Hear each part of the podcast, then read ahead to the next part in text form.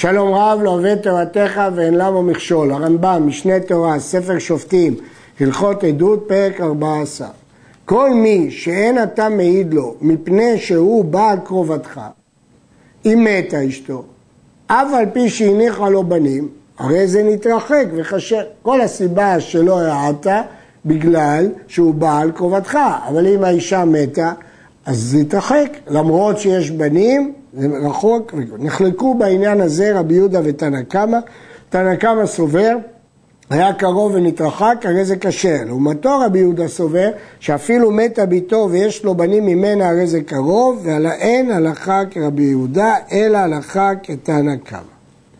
מי שהיה יודע לחברו עדות עד שלא נעשה חתנו. כשהוא ראה את העדות, הוא לא היה חתן שלו, ונעשה חתנו, לפני שהוא העיד בבית דין, הוא התחתן עם ביתו.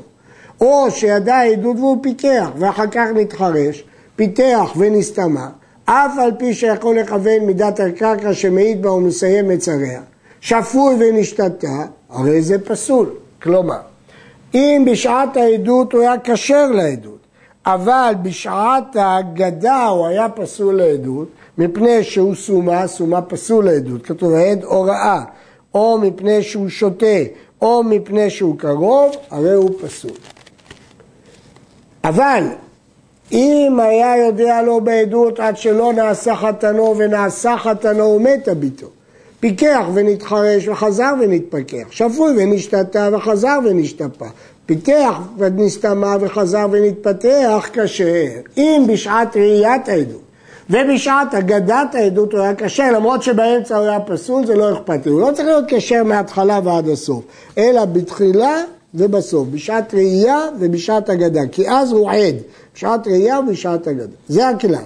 כל שתחילתו וסופו בכשרות, כשר. אז יש דין שצריך תחילתו וסופו בכשרות. אף על פי שנפסל בינתיים, תחילתו בפסלות, אף על פי שסופו בכשרות, פסול.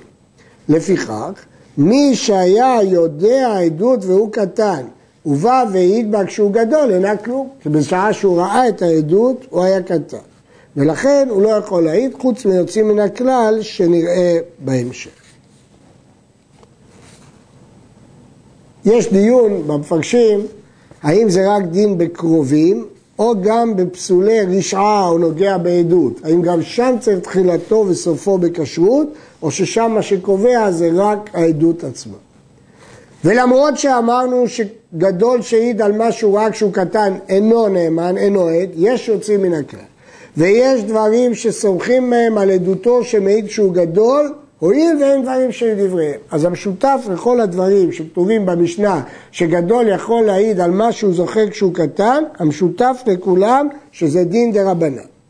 ואלו הם הדברים שאדם נאמן להעיד בגודלו על מה שראה בקטנותו. נאמן אדם לומר זה כתב ידו של אבי או של אחי, לזהות את החתימה. למה? מפני שקיום שטרות מדבריהם. למדנו שמן התורה עדים החתומים על השטר כמי שנחקרה עדותם דמי. רק רבנן תקנו קיום. לפי הרמב"ם כל דין שטרות זה דרבנן, וכל שכן הקיום דרבנן. אז לכן נאמן הגדול לומר על משהו רק שהוא קטן. זכור אני בפלונית כשנישאת ונעשה לה מנהג הבתולות, כלומר להעיד שצריכים לתת לה כתובה 200, איך? הרי הוא היה קטן. הואיל ורוב הנשים בתולות נישאות, וכתובה מדבריהם, גם יש רוב, וגם הדין הוא דין דה רבנן, לכן הוא נאמן. שהמקום הזה בית הפרס, הוא נאמן, מפני שטומאתו מדבריהם. מה זה בית הפרס? שדה שנחרש בקבר ועבדו בעצמות המת, זוהי בית הפרס. וגזרו חכמים שהפרה מטמא במגע ומסע, אבל הטומאה היא מדי רבנן. ולכן אפשר לסמוך על עדות גדול שזכה מקדמותו, שזהו בית הפרס. הכסף משנה מביא בשם הר"ן, שקטן נאמן דווקא להקל, כלומר שיש אזור מסוים שהוא לא בית הפרס. אבל להחמיר, לא מאמינים לו. אבל לדעת אבן העזל, מלשון הרמב"ם משמע כאן שלא קרן, אלא שהוא נאמן בין להחמיר בין להקל. עוד, אדם נאמן לומר כשהוא גדול על מה שהוא זוכר כשהוא היה קטן, ועד כאן היינו באים בשבת. כלומר, אזור התחום של אלפיים אמה. מדוע? שצמצום התחום עד אלפיים בלבד מדבריהם. לפי הרמב"ם בהלכות שבת, תחום שבת מהתורה זה י"ב מיל, 12 מיל, ומדרבנן זה אלפיים אמה.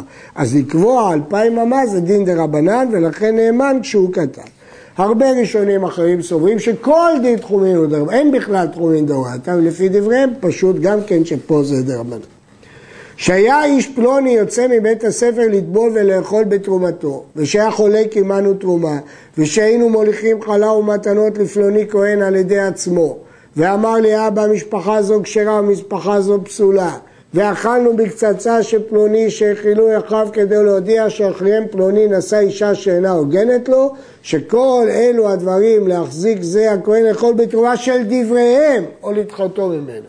כן, הרמב"ם מפרש את כל הקבוצה האחרונה של הדברים שנאמן כשהוא ראה כשהוא קטן, שזה תרומה דרבנן. כיוון שתרומה בזמן הזה היא דרבנן, אז הוא נאמן להאכיל אותו בתרומת דרבנן, או בתרומה של ירק שתמיד היא דרבנן. אז מה הוא נאמן להגיד? שהוא ראה את איש פלוני טובל ואוכל בתרומה, או שהוא חלק איתו בתרומה, או שאבא שלו שלח אותו עצמו להוביל לכהן הזה תרומה. או שהוא אמר, אמר לי אבא, המשפחה הזאת כשרה, לא יתערב בחלל, או משפחת הכהנים הזאת פסולה, יתערב בחלל.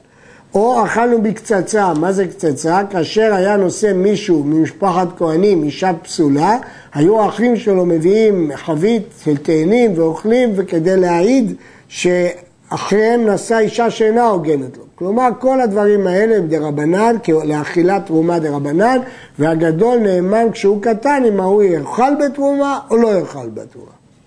כל אלו שמעיד בהם הגדול במה שידע כשהיה קטן, אם היה גוי או עבד שראה דברים אלו והעיד אחר שהתגאה ונשתחרר, אינו נאמן. כל הנאמנות הזאת זה רק על גדול שמעיד על קטן. אבל להעיד אה, שהוא עבד או גוי, הוא לא נאמן. יש להעיר שראינו ברמב"ם שהוא נאמן בין להחזיק בין לדחותו, כלומר גם לפסול אותו.